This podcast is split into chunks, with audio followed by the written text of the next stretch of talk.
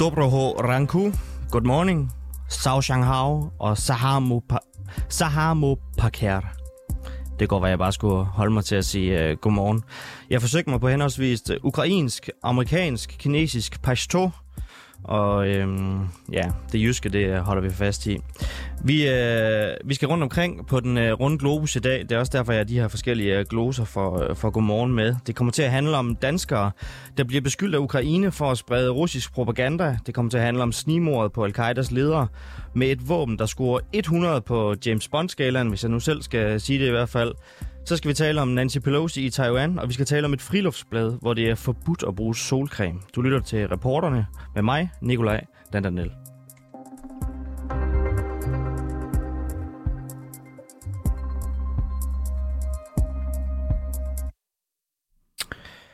Siden, side om side med franske og højre ekstreme politikere som Marine Le Pen, Erik Zemmour, er fire danskere råd på en sort liste, stemplet af det ukrainske center for bekæmpelse af disinformation for at sprede russisk propaganda. Centeret hører under Ukraines nationale sikkerhedsråd, der rådgiver præsident Zelensky og hans regering. Og en af dem, der står på listen, det er dig, Jens Jørgen Nielsen. Godmorgen. Mm-hmm. Godmorgen. Du er historiker, og så er du tidligere korrespondent i, i Rusland. Hvor, hvorfor står du på den her liste? Ja, det kunne jeg da også godt lide at vide, fordi øh, jeg har øh, studeret listen, og jeg kender til nogle af dem, der er på listen. Og, og jeg har meget, meget svært ved at finde nogle ret, i hvert fald præcise kriterier for, for det er meget, meget forskellige højre og venstre, og, og der er endda også en, der faktisk anbefaler at sende våben til Ukraine, som også er ind på listen. Så, så, så det første, jeg tænker, det er, at det er meget, meget uprofessionelt. Det er meget mere eller mindre tilfældigt, hvem det er på listen. Men det er jo klart, at jeg har jo en fornemmelse øh, for, hvorfor jeg er ind på listen. Det er jo nok, fordi jeg er øh, kritisk over for vores politik i forhold til Ukraine, sende våben til Ukraine, og jeg er også kritisk over for, for den, det narrativ, vi har omkring Ukraine. Øh, og det her synes jeg jo selv også peger lidt i retningen af, at Ukraine måske ikke er det blomstrende demokrati, som vi jo gerne vil beskrive det som. Øh, fordi det er jo meget besynderligt, fordi det, det, der støtte mig, eller det, der sådan ligesom gjorde, at jeg synes, det her det er for meget, det var, øh, at lederen af det, den der komité under Sikkerhedsrådet, som skulle bekæmpe informations øh, hvad det, for, fordrejning og manipulation af den offentlige mening, Altså han udtaler ganske klart, og det, det står i bemærkningerne, at dem, der er på listen, det er informationsterrorister, som skal sættes for en krigsforbryderdomstol. Og, og det er jo helt absurd. Det er jo totalt gak, efter min opfattelse. Og, og, og, og det, er, det er virkelig sådan, at ikke man skal le eller græde i forhold til det. Og så er der også lige den lidt interessante bemærkning på samme hjemmeside. Jeg læser ukrainsk, Øh, og der står der jo også, at den her kommission er støttet af det amerikanske øh, udenrigsministerium. Og det er jo også interessant. Hvad er det lige, vi støtter med, med vores penge i Ukraine? Det synes jeg nok er en diskussion værd. Altså, du er allerede kommet på den her liste her. Nu fortsætter du allerede med at kalde Ukraine for et ikke blomstrende demokrati, og du kalder den her udnævnelse af dig på listen for, for absurd. Altså, ja. det er ikke fordi, du er russisk agent eller sådan noget. Nej, jeg er ikke russisk agent, og, og, og det er, og jeg, øh, i det interview, jeg tror, de bygger øh, deres, deres fordømmelse af mig på, der siger jeg meget klart og tydeligt, at jeg er totalt lodret uenig i den russiske beslutning. Jeg synes, det er en helt forkert beslutning af flere grunde, at det gik ind den 24. februar. Så, så det er jo ikke sådan, at jeg siger, at det den russiske regering gør. Jeg har et andet take, fordi det, jeg, øh, jeg tænker jo i den retning, at vi er nødt til at have en meget, meget seriøs, seriøs diskussion i vores land. Det gælder i Danmark, det gælder i hele Vesten faktisk. Altså, hvordan vi forholder os til en situation, som er den farligste siden 2. verdenskrig. Øh, der skal vi jo have en åben og klar debat, og vi skal jo ikke sådan, øh, hvad skal man sige, udskamme hinanden, øh, fordi man stiller nogle ubehagelige spørgsmål. Og, og øh, så, så, så derfor der synes jeg sådan, det her, det er måske, måske er det at, at drive det lidt for vidt, men det er sådan en lille bitte, bitte ukrainisering af vores samfund. Og så ikke glemme, at, at, at, at øh, Zelensky har jo forbudt 11 partier. Sidste år, der satte han jo den mest populære øh, oppositionskandidat, Viktor Medvedchuk, i arrest uden domfældelse. I øvrigt, øh, øh, han sad, har siddet der næsten stort set et år i, i husarrest. Så, så der er jo nogle meget, meget, meget beklagelige ting i det ukrainske, øh, i det ukrainske samfund, som, som ikke ligesom falder ind under det narrativ, vi har, at det er kamp mellem demokrati og diktatur. Ukraine og Rusland ligner nok øh, anden mere, end vi og ukrainerne vil bryde sig om at høre. Der er nok ting at, at kritisere Ukraine for, kan jeg, kan jeg høre på dig. Hvis vi nu skal vende tilbage til listen, altså hvordan har du det egentlig med at være ind på den her liste? Jamen, jeg har det sådan lidt, lidt absurd, for jeg ved jo heller ikke, hvad det betyder. Betyder de så, at de sender agenter ud og, og, og tager mig til fange og sætter mig for en krigsforbryder domstol i Ukraine? Det tror jeg ikke, men, men, men, øh, men, men det er jo sådan lidt usikkert, hvad det betyder. Altså, fordi det fremgår jo heller ikke tydeligt, hvad, hvad, hvad det betyder, specielt med de der bemærkninger om krigsforbryderdomstolen. Havde det været en, en bemærkning, at de var kommet med, at de havde argumenteret imod det, vi på listen havde sagt, meget fint. Det er jo ikke noget som helst problem med, at, at, at de har argumenteret imod det. det. Det, jeg sådan synes er ret betænkeligt, og burde også, øh, burde også måske sådan udløse en, en kommentar fra udenrigsministeren, det er jo det der med, at, at, at de ligesom anklager, eller de ligesom øh, truer øh, vestlige borgere med at blive, øh, komme for en krigsforbuddomstol. Ja. Det synes jeg er det synes jeg det er over alle alle røde linjer. Er, er du bekymret for, hvad det får konsekvenser for dig at komme i bås med krigsforbrydere? Ja, det er jeg selvfølgelig. Altså, det, jeg, jeg ved, jeg har ingen anelse om, hvad, hvad det betyder. Formentlig får det ikke nogen som helst praktisk betydning. Men, men jeg vil da nok sige, at ligesom komme på, på, på linje med, med nogle af de der jugoslaviske øh, massemorder og Rwanda massemorder, det, det, er, det er jo absurd. Altså, det er jo totalt absurd, øh, synes jeg. Men vi har også talt om en, øh, en krig, hvis nu skal tage det fra Ukraines øh, synspunkt, hvis nu så har selve hele listen, altså kan du godt forstå deres behov for at lave en liste som den her, for det er jo ikke en hemmelighed, at der foregår jo desinformation fra Rusland. Det meste af det, du ser i pressen, er desinformation fra alle sider. Altså, der er jo meget, meget lidt objektiv information. Ukrainerne selv udøver jo også det, at de også indrømmet. Altså, de er jo blevet afsløret i den ene løgn efter den anden. Rusland gør det selvfølgelig også. De vestlige lande gør det også. Hver har jo sit narrativ, den objektive sandhed, øh, den klare, pure objektive sandhed, den finder du aldrig i en krig. Altså jeg er historie. Jeg ved godt, hvordan krigspropaganda de fungerer. Når en krig fungerer, så er der propaganda fra alle sider. Øh, og, og Ukraine er jo ikke nogen undtagelse. Jeg kan da godt forstå, at de jeg kan da godt forstå, at den ukrainske øh, ledelse med det perspektiv, de har i øjeblikket, de er bekymret for, at der i Vesten begynder at komme en, det man kalder på engelsk, en fatigue. Altså en, en, en træthed, øh, også fordi krigen lader jo til sådan ikke lige at blive afgjort, og, og, og, og Rusland har jo også ligesom spidt sig fast.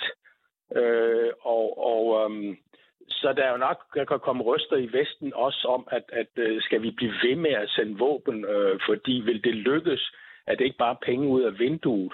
Og også de spørgsmål, som flere på listen, og jeg også selv stiller, men flere andre også har stillet. Kan vi vinde en krig? Kan, Ukra- kan Ukraine overhovedet vinde en krig over Rusland? Øh, det er jo et meget, meget vigtigt spørgsmål. Og kan vi vinde over Rusland uden en atomkrig? Og hvad betyder det for os?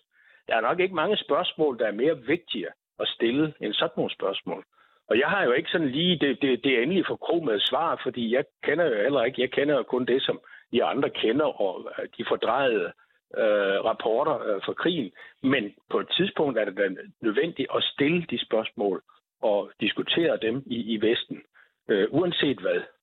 Ja, selvom du nu siger, at der ikke rigtig er andre spørgsmål, der er vigtige, så vil jeg lige begive mig videre til, til et andet. Fordi hvis vi nu lige tager fat i det, som de rent faktisk øh, mener, du har sagt, at der for eksempel mm-hmm. re, rundt omkring i verden er russofobiske tendenser, og så har du ja. Øh, påstået, at krigen først er begyndt den 24. februar, og det er jo så i modsætning til, hvad de selv siger, nemlig at den er begyndt i 2014. Øhm, kan du godt selv øh, høre ja, det som ja. russisk propaganda, eller hvordan nej, tolker nej, du Nej, nej, nej, nej, nej, nej, det kan jeg ikke. Altså det, det jeg blev beskyldt for, øhm, det var faktisk, at jeg har sagt, at, at, at, at Ukraine faktisk på, øh, mange doblede deres bombardementer øh, en, en lille uge før den 24. februar. Øh, øh, det, det, det er det, jeg har sagt, og det er også det, de har, de har anført i, øh, på listen, øh, at, at, at jeg skrev, at, at den ukrainske her øh, angreb Donbass den omkring den 16., 17., 18. februar, der skete der en 30-dobling af bombardementerne. Og, og, og de, den viden, den har jeg ikke fra Rusland. Den har jeg fra OSCE. Det er, den, det er nok det mest pålidelige, man kan have overhovedet i krigen. Det var jo se, der er rapporteret om, at der skete en 30-dobling. Altså en, en, noget, du godt kan kalde en provokation, øh, som jeg nævnte. Og det, det bliver beskrevet Øhm, det bliver beskrevet som, som, som, som desinformation. Hvis, hvis det er desinformation, så må man sige, så OSCE, OSCE også, øh, hvad skal man sige, under Putins, på Putins lønningsliste, så, så det er det også et russisk desinformationsagentur, må man sige, hvis man skal være logisk. For det er der, jeg har det fra. Jeg har det ikke fra den russiske kilde. Hvis vi så skal tage, nu talte du om det her med, at du var bekymret for de konsekvenser, der var ved at blive øh, sammenlignet med krigsforbrydere. Altså her i den nære fremtid, altså helt praktisk, hvad, hvad laver det om for dig, at du er endt på den her liste? Altså, ingenting faktisk. Altså, det, det, jeg, skal, jeg jo, altså, men det ligger ikke lige sådan i den nære fremtid. Jeg har jo tænkt mig at skal til Ukraine igen på et tidspunkt. Ikke? Men, men det, det skyder jeg nok lige lidt, fordi jeg ved jo ikke, hvis jeg kommer ind øh, overskrider den ukrainske grænse, om jeg bliver arresteret derefter. Det, hvis jeg overhovedet bliver lukket ind. Øh, så så det, det er nok praksis det eneste. Jeg tror ikke, de kommer... Altså, jeg tror ikke, der sker noget som helst, faktisk. Altså, det er det, men, men man ved jo aldrig. Jeg tror, det er meget lidt sandsynligt, men, men det skaber da sådan en lille usikkerhed. Hvad, hvad, hvad kan det betyde? Ikke? Øh, kan det betyde, at jeg bliver angrebet, af nogle nogen her ukrainer? Eller, jeg ved det ikke. Altså, Ja, det kunne i hvert fald øh, godt være med, med den her liste her, og det, der står omkring krigsforbrydere, at du lige skulle ride storm lidt af, før du tager til Ukraine, Jens Jørgen Nielsen. Ja, det, det, det er der ingen tvivl om. Det gør jeg helt sikkert ikke, men, men ellers så tror jeg ikke... Øh, jeg arbejder også som tolk blandt... Øh, indimellem der har jeg et lille job som, som, som tolk for ukrainske flygtninge også, og har sådan et godt indtryk af dem. Og, og, og der er ikke nogen af dem, jeg har tolket for, jeg i den vildeste fantasi kunne forestille mig, vil, vil tage ud på min bolig og angribe mig, eller sådan noget. Ikke? Så, så hvad det angår, er jeg sådan, undskyld, er jeg sådan altså, rimelig rolig for det. Jeg tror ikke, det sker noget, men, men, men det er mere sådan, jeg, jeg synes sådan, mit navn bliver sat i forbindelse med, med, med sådan en krigsforbryder. Ikke? Altså det, det er jo ikke godt, det er jo ikke rart, og det er jo også noget, som, det det. som, jeg, ved, at, som jeg ved også, at, at, at nu er det sådan, jeg, jeg er selvstændig, jeg er freelance, øh, Jens Jørgen Nielsen, vi, uh, vi iler lige så stille videre til, til den næste kilde. Vi skal tale meget mere videre om den her ja. uh, sorte liste i, i Ukraine. Ja. Tusind tak, fordi du havde tid til at være med her til morgen. Selv tak. Tak for det. Hej. Historiker og tidligere korrespondent i Rusland.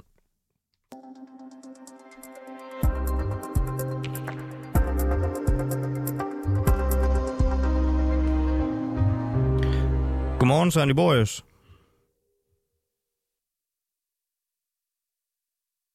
Der lader til at være en lille smule hul på øh, forbindelsen her. Jeg kan i hvert fald ikke øh, høre ham hos mig. Søren Liborius. Kan du øh, Ja, der er hul igennem nu. Der er hul igennem nu. Godt. Chefkonsulent ved EU's fælles udenrigstjeneste og tidligere presse- og informationschef i Rusland i selv samme EU. Øh, jeg skal lige høre dig, du er ikke overrasket over, at øh, Ukraine har lavet den her liste her. Hvor, hvorfor ikke det? Nej, jeg er ikke overrasket.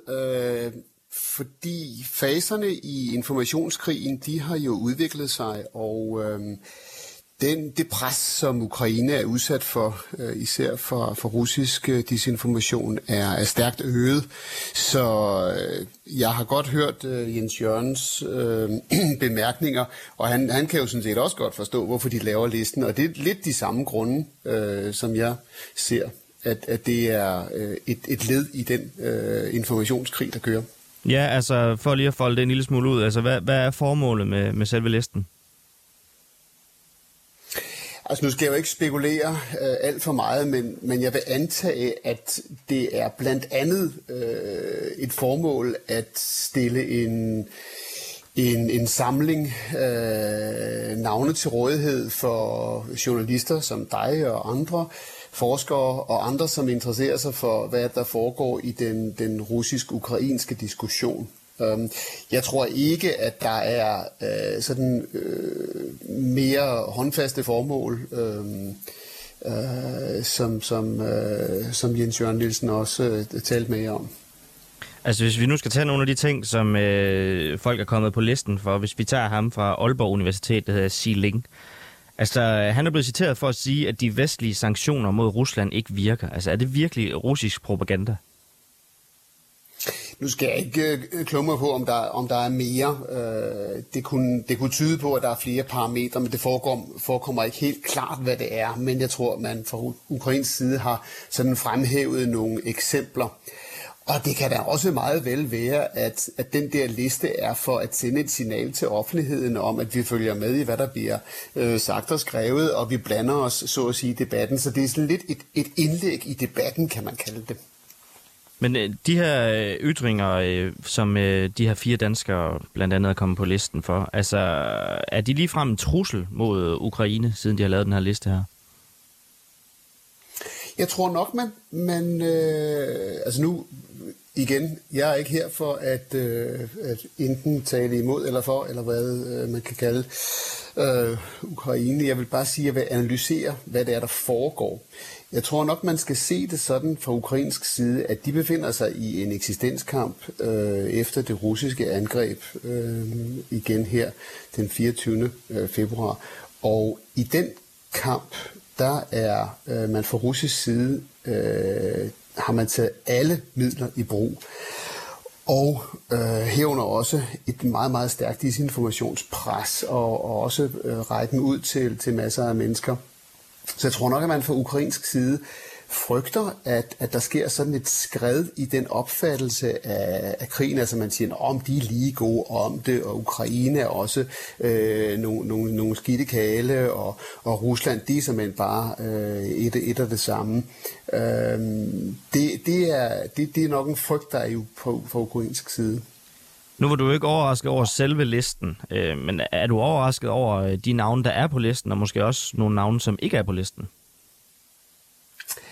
Altså, der er måske enkelte, hvor man vil sige, nå, okay, altså, men, men egentlig er jeg ikke så forfærdeligt overrasket, hvis, hvis jeg ser det ud fra det ukrainske perspektiv, at det her handler om, at, at de vil gerne stille deres version af øh, virkeligheden til rådighed for, som jeg siger, sådan nogle, øh, som dig, journalister, forskere og andre, der interesserer sig for, for den offentlige debat, øh, og være med til at påvirke den holdning og det syn, der er på, på den debat. Øh, øh, så hvis man sådan tager et hurtigt blik ned over listen, nu er den jo altså ikke 100, 100 mennesker lang, skal man lige huske, øh, så, så er jeg ikke sådan helt overrasket, det vil jeg sige.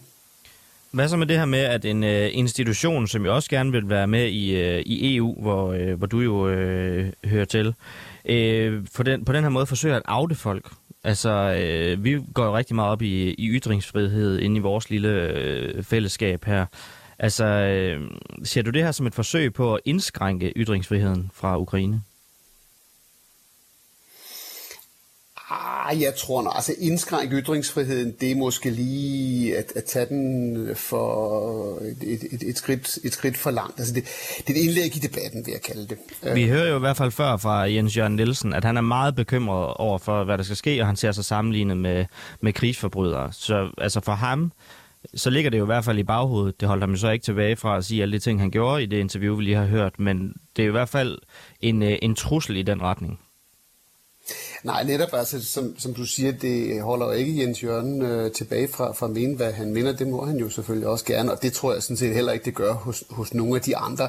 Så jeg kan ikke rigtig se det som en, en, en trussel i den forstand. Øh, altså, virkeligheden er jo øh, desværre der, at at der bliver udfoldet ordentligt store bestræbelser fra russisk side på øh, dels selvfølgelig at køre krigen, den kinetiske, den fysiske krig i Ukraine med stor brutalitet, og øh, meget store øh, bestræbelser på at påvirke meningsdannelsen, øh, både i, øh, i Vesten, i Vesteuropa og, og, og globalt. Øh, og og øh, det sker jo med øh, virkelig øh, hårde metoder, som, som øh, ikke lader nogen øh, gøbels tilbage, vil jeg sige. Så jeg, jeg kan ikke rigtig se, at det skulle være sådan den helt store øh, game changer i, i, den der, i den der kamp, må jeg sige. Nej, altså nu, det var lidt uklart for Jens Jørgen Nielsen, sådan præcis de konkrete konsekvenser. Altså hvilke konsekvenser har den hele listen sådan helt overordnet?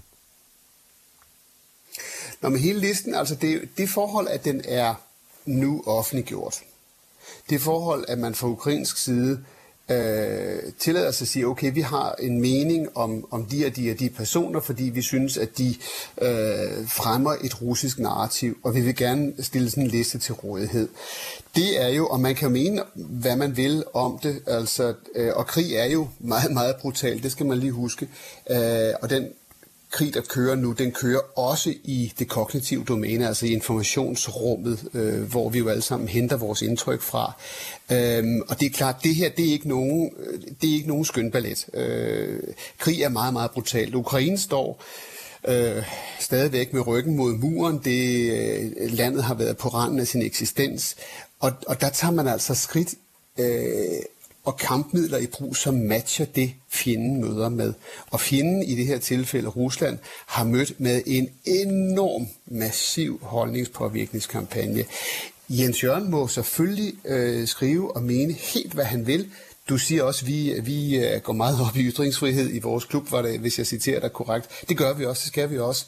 Øhm, og, øh, og heldigvis kan man da også have en, have en fri debat. Det kan man jo altså også øh, langt hen ad vejen i Ukraine. Det skal vi lige huske på. Den store forskel på, hvad der foregår i Ukraine og i Rusland, er, at i Rusland er der jo meget, meget hårde straffe. Det er indført censur siden 4. marts øh, meget, meget hård censur op til 15 års fængsel, bare for at øh, ytre, at det er en krig og ikke en special operation. Så den her med, at man, man paralleliserer, man sidestiller Ukraine og Rusland, det, det er simpelthen, øh, synes jeg, helt hen i vejret. Det, det er Rusland, der har angrebet Ukraine.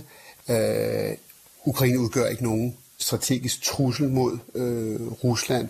Rusland tager meget, meget hårde skridt i brug. Jeg tror, vi alle sammen øh, godt er klar over, at der bliver begået krigsforbrydelser på samlebånd øh, i, i Ukraine af de, af de russiske soldater. Øh, og også, at Rusland udfolder meget, meget store bestræbelser på at dominere informationsrummet. Og det er, bare, det er derfor, jeg sådan siger, helt nøgternt må vi bare analysere, hvad er det for en kamp, der bliver kæmpet i øjeblikket, og hvad for nogle øh, Øh, skridt bliver der taget, hvad for nogle ting øh, øh, opstår. Og det er sådan set helt nøgtern ud fra den analyse, at jeg siger, okay, jamen jeg er ikke overrasket over, at de laver sådan en liste. Men øh, du kaldte det så også, øh, det kan vi lige tage her til sidst, altså du kaldte det for et øh, savligt indlæg i øh, debatten. Altså den liste, vi taler om, det er ifølge Ukraine informationsterrorister, der skal få en krigsforbryder domstol. Vil gerne stå ved, at det er et savligt indlæg i debatten? Altså nu går jeg ikke ind i at vurdere, øh, hvad, hvad for nogle ord de bruger, øh, og igen... Øh, her hensyder jeg også til de ord, som altså, du brugte om, altså det her med, at det er et savligt indlæg altså, i debatten. Jeg, jeg siger, at det er et indlæg fra den ukrainske side i den, så at sige, informationskamp, der bliver ført øh, imod øh, det, det russiske disinformationstryk. Og, og øh, et savligt indlæg i den forstand, at det, jo et, det kommer fra den ukrainske regering, øh, og, og de har formentlig tænkt sig at vedligeholde den liste. Det vil da øh, gå ud fra. Um, og, og så kan man jo så kritisere det, og det øh, er den her udsendelse jo også et, øh, et udtryk for. Øh, så, så mere vil jeg sådan set ikke øh, sige om det. Øh. Så, så lader vi det blive ved det, Søren Løborg. Tusind tak, fordi du var med. Velbekomme chefkonsulent ved EU's fælles udenrigstjeneste og tidligere presse- og informationschef for EU i Rusland. Tak.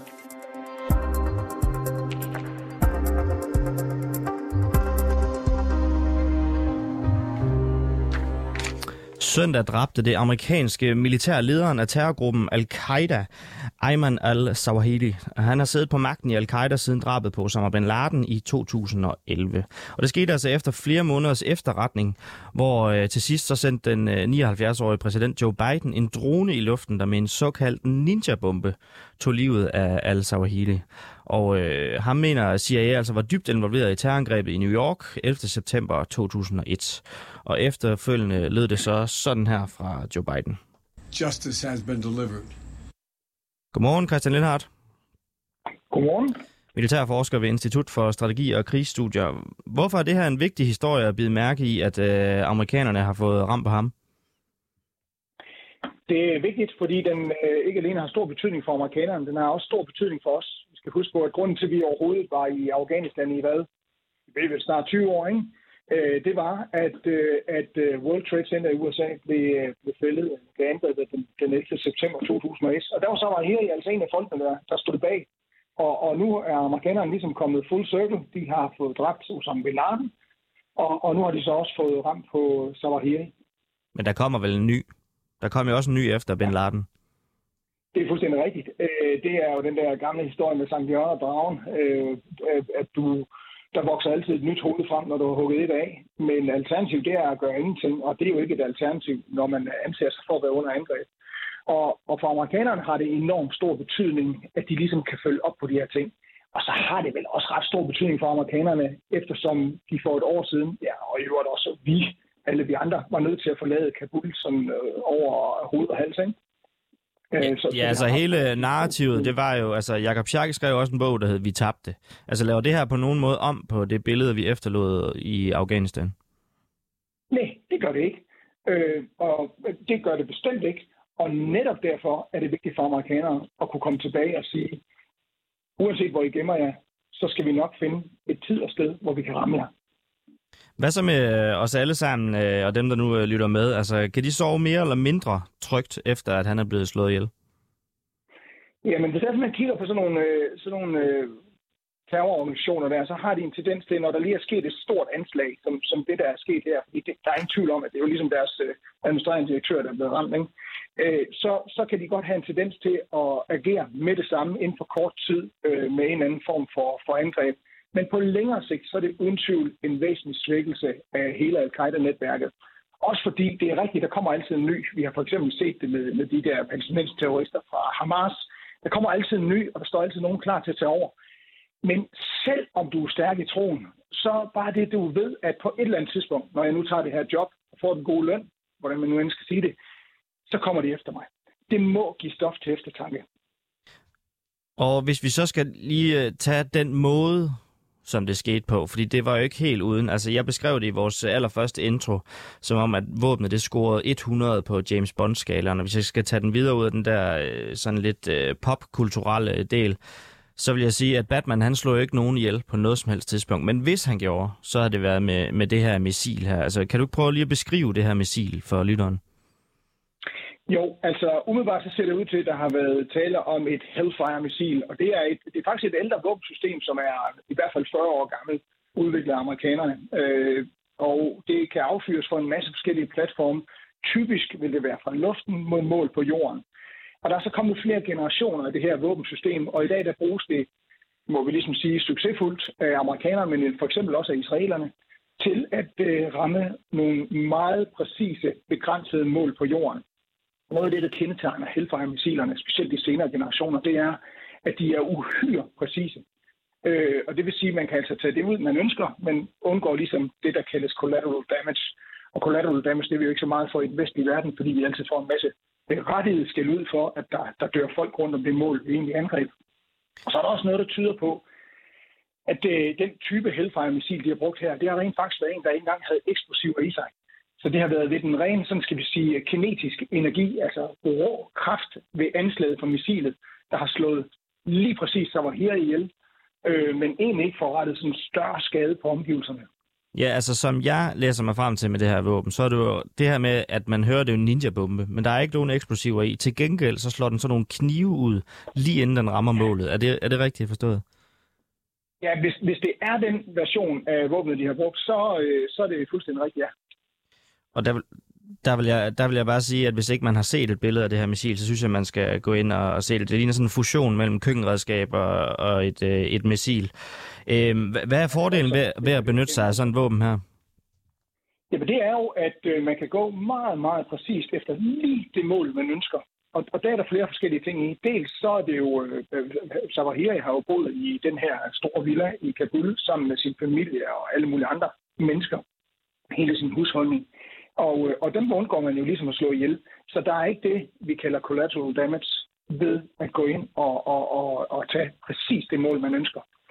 Er der, øh, er der det, nogen som helst grænser for, altså hvor præcist et mål, og hvor hen i verden man kan, man kan angribe med det her våben? Ja, du kan ikke, øh, du skal have, øh, hvad hedder det, det du vil angribe, skal du have ud i det åbne, ud i det fri, fordi du kan ikke sådan ligesom øh, angribe ind i en bygning. Du kan faktisk godt angribe ind i, øh, ind i køretøjer, hvis det er helt almindelige biler, det drejer sig om, fordi der er så stor anslagskraft i det her våben, og det skærer sig med de der knive, du, du omtalt. Der skærer det sig igennem for eksempel biltaget på en bil. Men du kan ikke være inde i bygninger. Men ellers så kan øh, USA, øh, hvis de har tilstrækkeligt gode øh, efterretninger, så kan de sådan set tage mål i hele verden med den her type våben. Så hvis de havde lyst, og hvis de tør, så er Putin også en mulighed med den her, uden at tage dem omkring ham? Um, det, I teorien, øh, ja, det kunne du og jeg også være. Hvorfor de så end skulle gøre det. Okay, lad os, lad os håbe på det. er jo en statsleder, og, ja. og er jo sådan set i første omgang demokratisk valgt, så, øh, så sammenligningen, det er rigtigt fysisk kan lade sig gøre. De kunne også øh, tage yogi der, men jeg synes ikke sammenligningen, den holder vand. Nej, Lad os, lad os håbe på, at det ikke bliver dig og mig i hvert fald, og måske også for verdensfredens skyld, at det heller ikke bliver, bliver Putin lige, lige forløbet. Christian Lindhardt, øh, militæranalytiker ved Institut for Strategi og Krigsstudier. Tusind tak, fordi du var med. Ja, men velbekomme. God dag. På lige måde.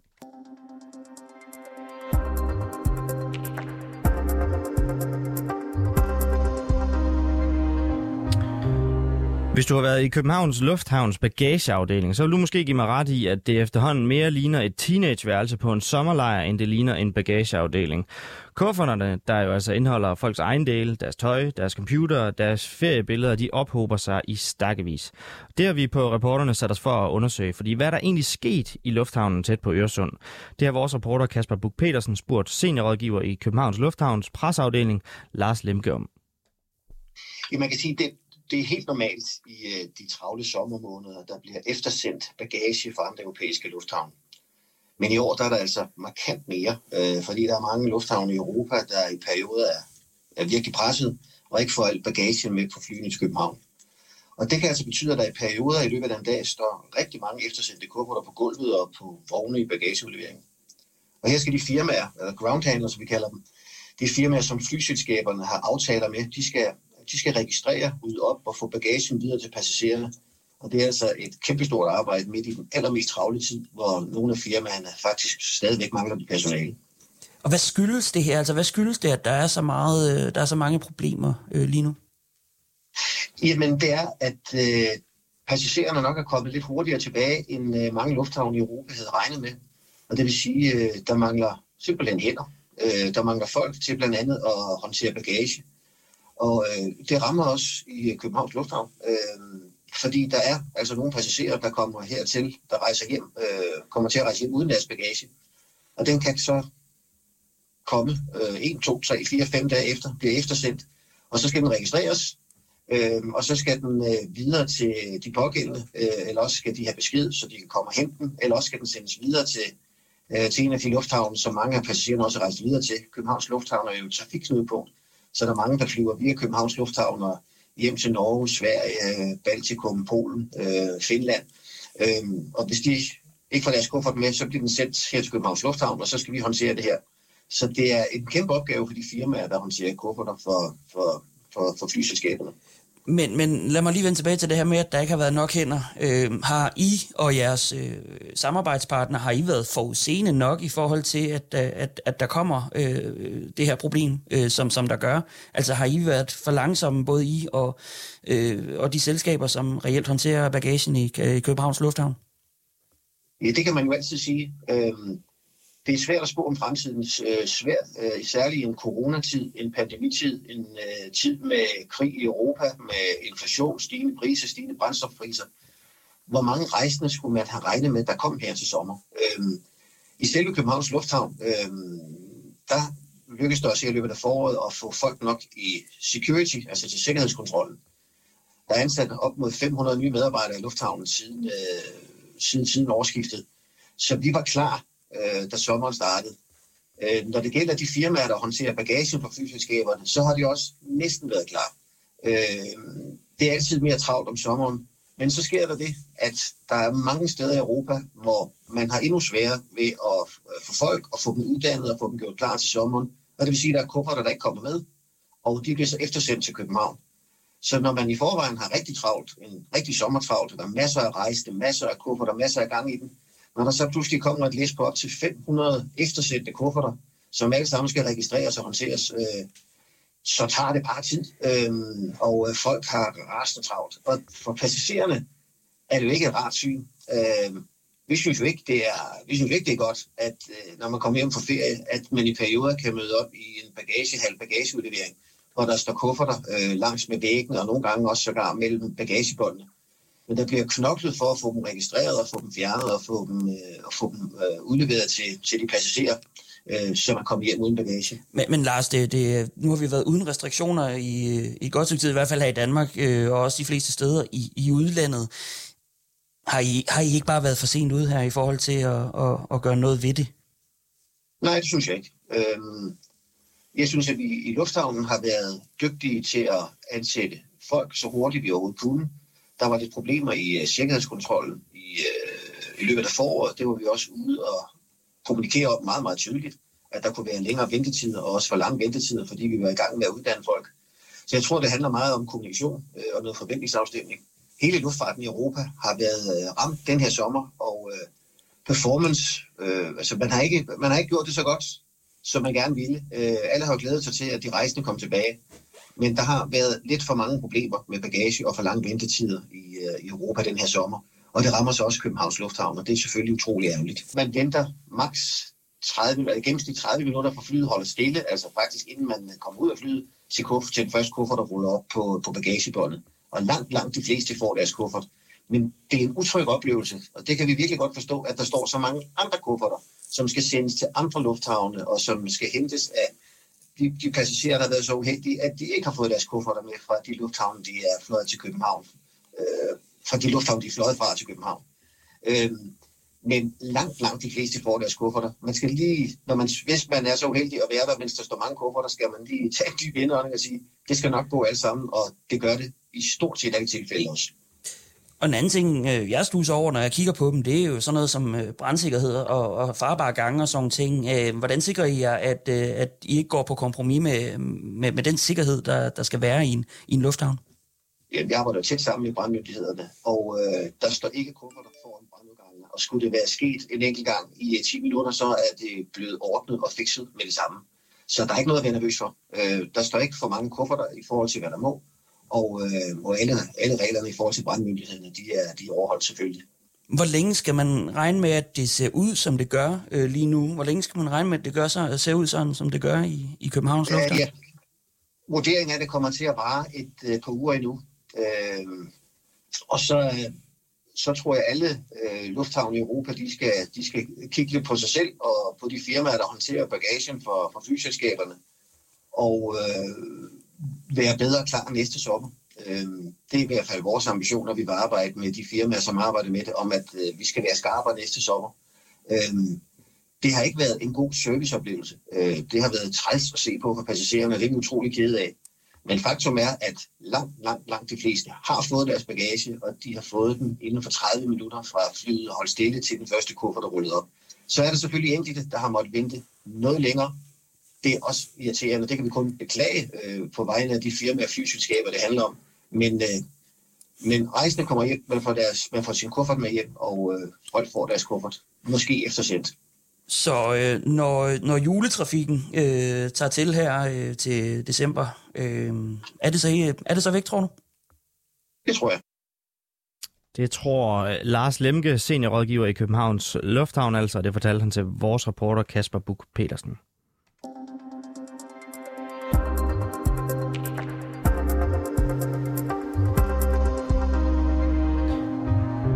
Hvis du skulle få den idé i dag, at du gerne vil køles ned, nu hvor det endelig bliver virkelig varmt igen, så skal du lige være opmærksom i Københavns Kommunes to friluftsbade, Bellerhøj og Bagnehøj. Her må du nemlig ikke have solcreme på, når du bader.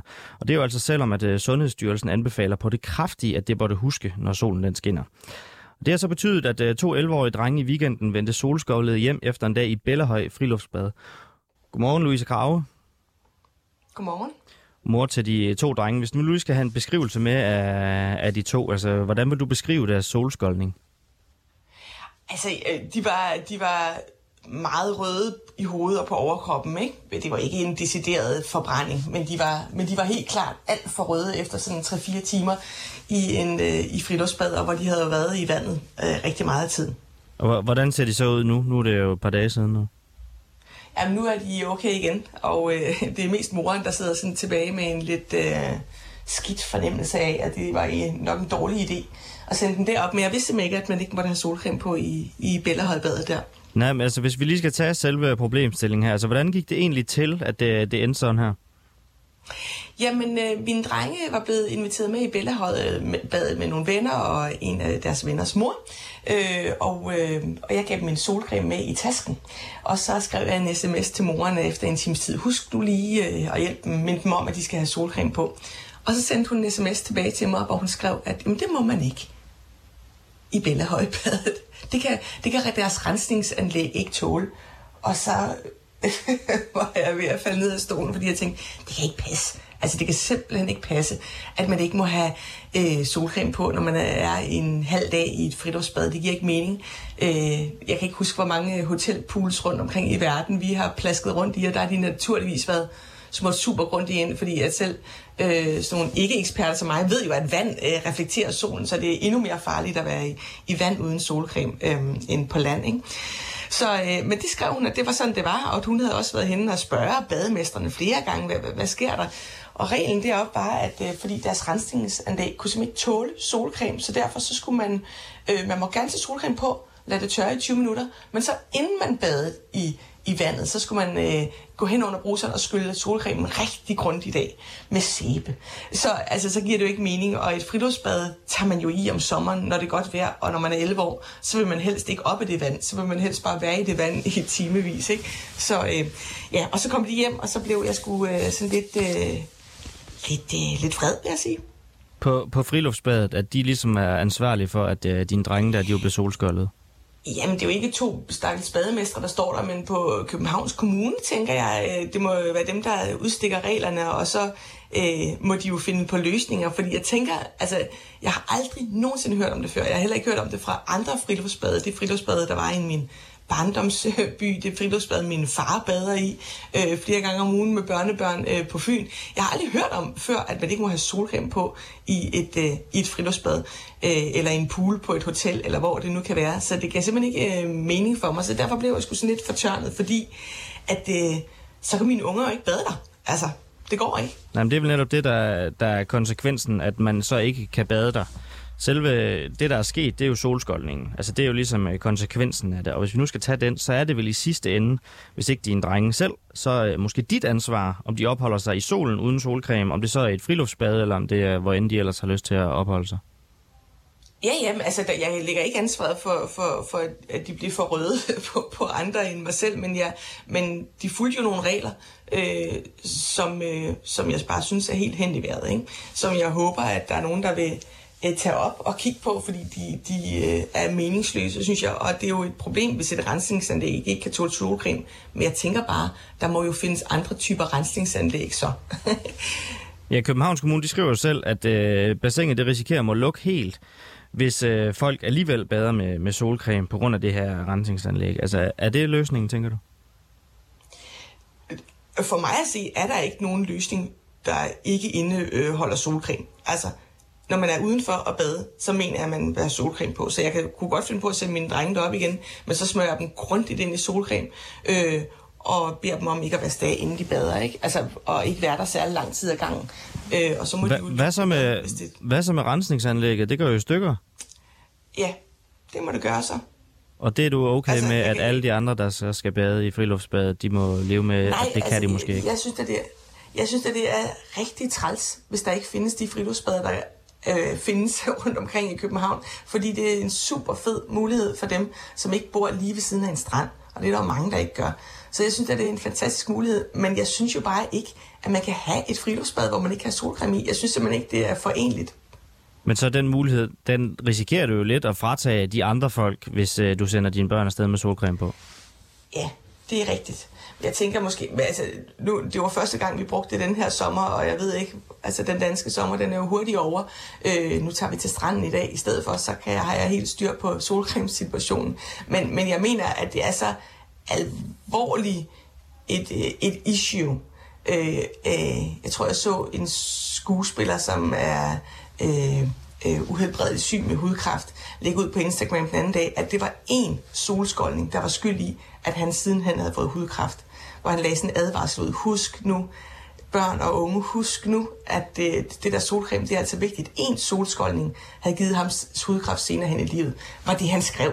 Og det var sådan tankevækkende for mig, så det er jo ikke noget, man skal gamble med at blive solskoldet. Det er jo ikke for sjov. Øh, så der må jeg sige, at øh, der vil jeg hellere redde nogle øh, børns liv end et rensningsanslags liv. Okay. Tak fordi, at du har lyst til at være med her til morgen, Louise Krave. Det var så lidt.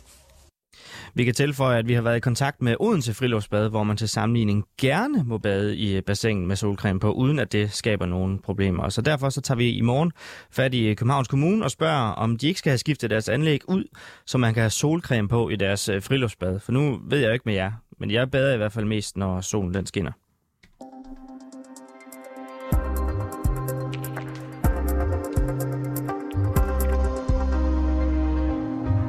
Nu skal vi tilbage ud i verden til et meget omdiskuteret storpolitisk øh, besøg. Nancy Pelosi, formanden for repræsentanternes hus i USA, landede nemlig i går eftermiddags i Taiwan.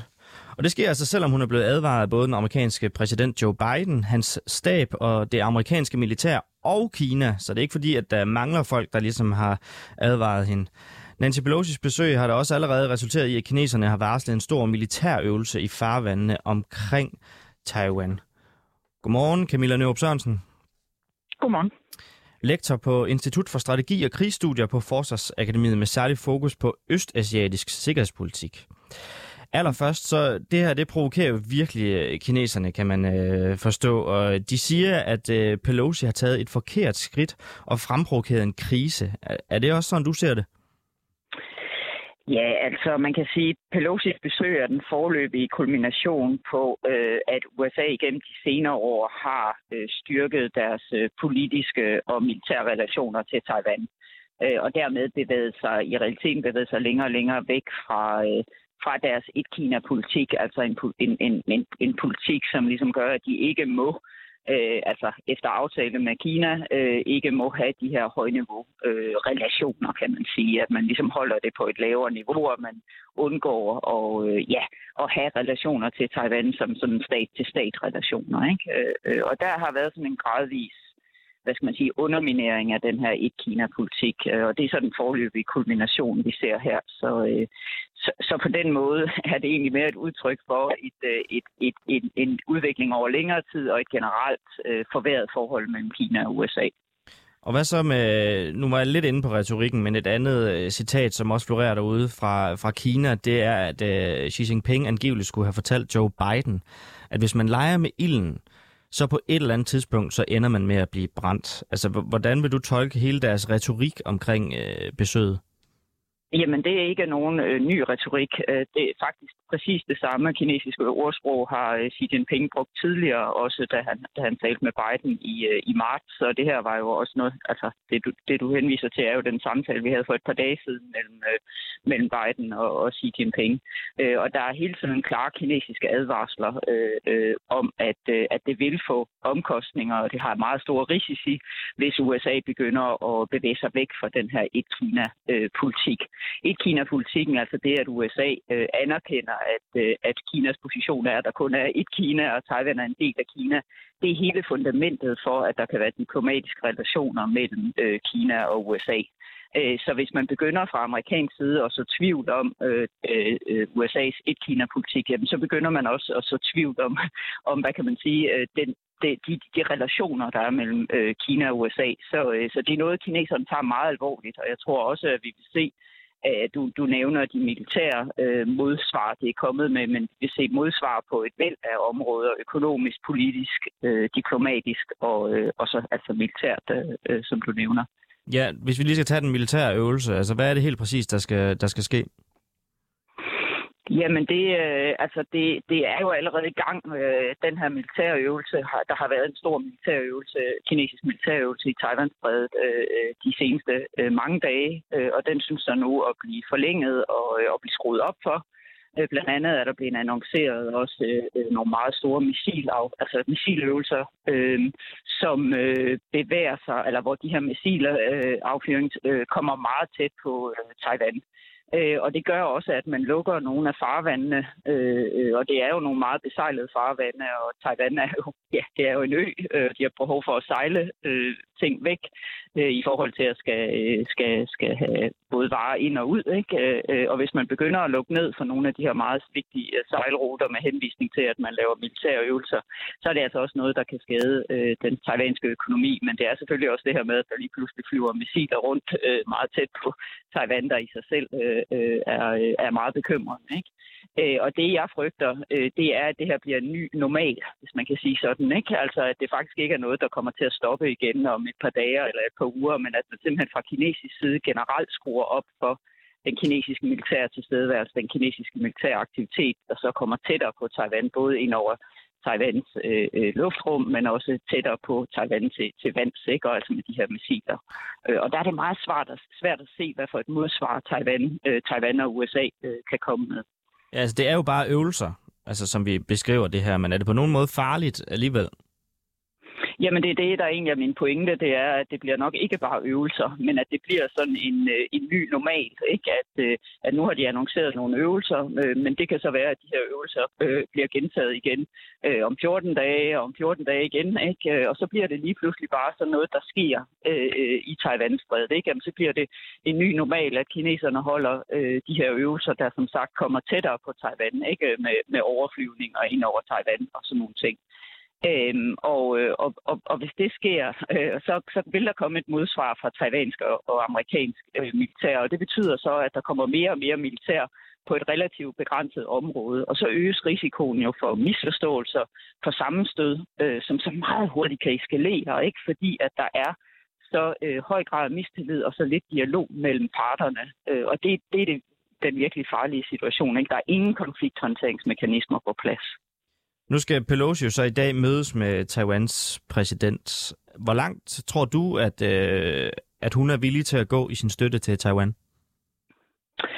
Øh, ja, altså jeg tror, hun er villig til at, øh, at gå ret langt. Altså det, der er vigtigst for hende, som du også øh, sagde i oplægget, det er jo at, at, at, at gøre klart, ikke, at, øh, at øh, at hun, at øh, kongressen står bag øh, øh, Taiwan, øh, særligt i forhold til den her demokrati og over for autoritære styre, øh, øh, hvad skal man sige, øh, den, her, den, den her skillelinje. Ikke? At der står de klart på Taiwans side, at de vil støtte Taiwans øh, øh, demokrati i, øh, i, det, i, det, i den, øh, øh, hvad kan man sige, i det pres, der ellers kommer fra, fra Kina på, på det. Og det tror jeg, hun er ret langt på, men indtil videre har hun afholdt sig fra øh, og tale om det her med Taiwans selvstændighed. Ikke? Øh, øh, så så det, det er meget vigtigt fra kineserne, altså om hun begynder også at udtrykke støtte til, at det her også er Taiwans, et spørgsmål om at støtte Taiwans selvstændighed, og dermed også bevæge sig væk fra det her meget, meget vigtige et-Kina-politik, som USA har. Og der har hun i det, hun har sendt ud i går, øh, øh, understreget, at hendes besøg er ikke øh, noget, der så tvivl om USA's et-Kina-politik. Og det er det samme, vi hører fra Biden-administrationen, ikke? At, at USA's et-Kina-politik er uændret. Og det ser jeg klart som et forsøg på at forsøge at undgå, at det her skal, skal eskalere. Ikke? Altså man prøver at forsikre kineserne om, at det her er et, et besøg, men det er ikke noget, der, der er et tegn på, at man bevæger sig væk fra, fra den her meget vigtige et-Kina-politik. Okay. Camilla Nørup Sørensen, tusind tak, fordi du havde tid til at tale med os her til morgen. Det var slet lektor på Institut for Strategi og Krigsstudier på Forsvarsakademiet.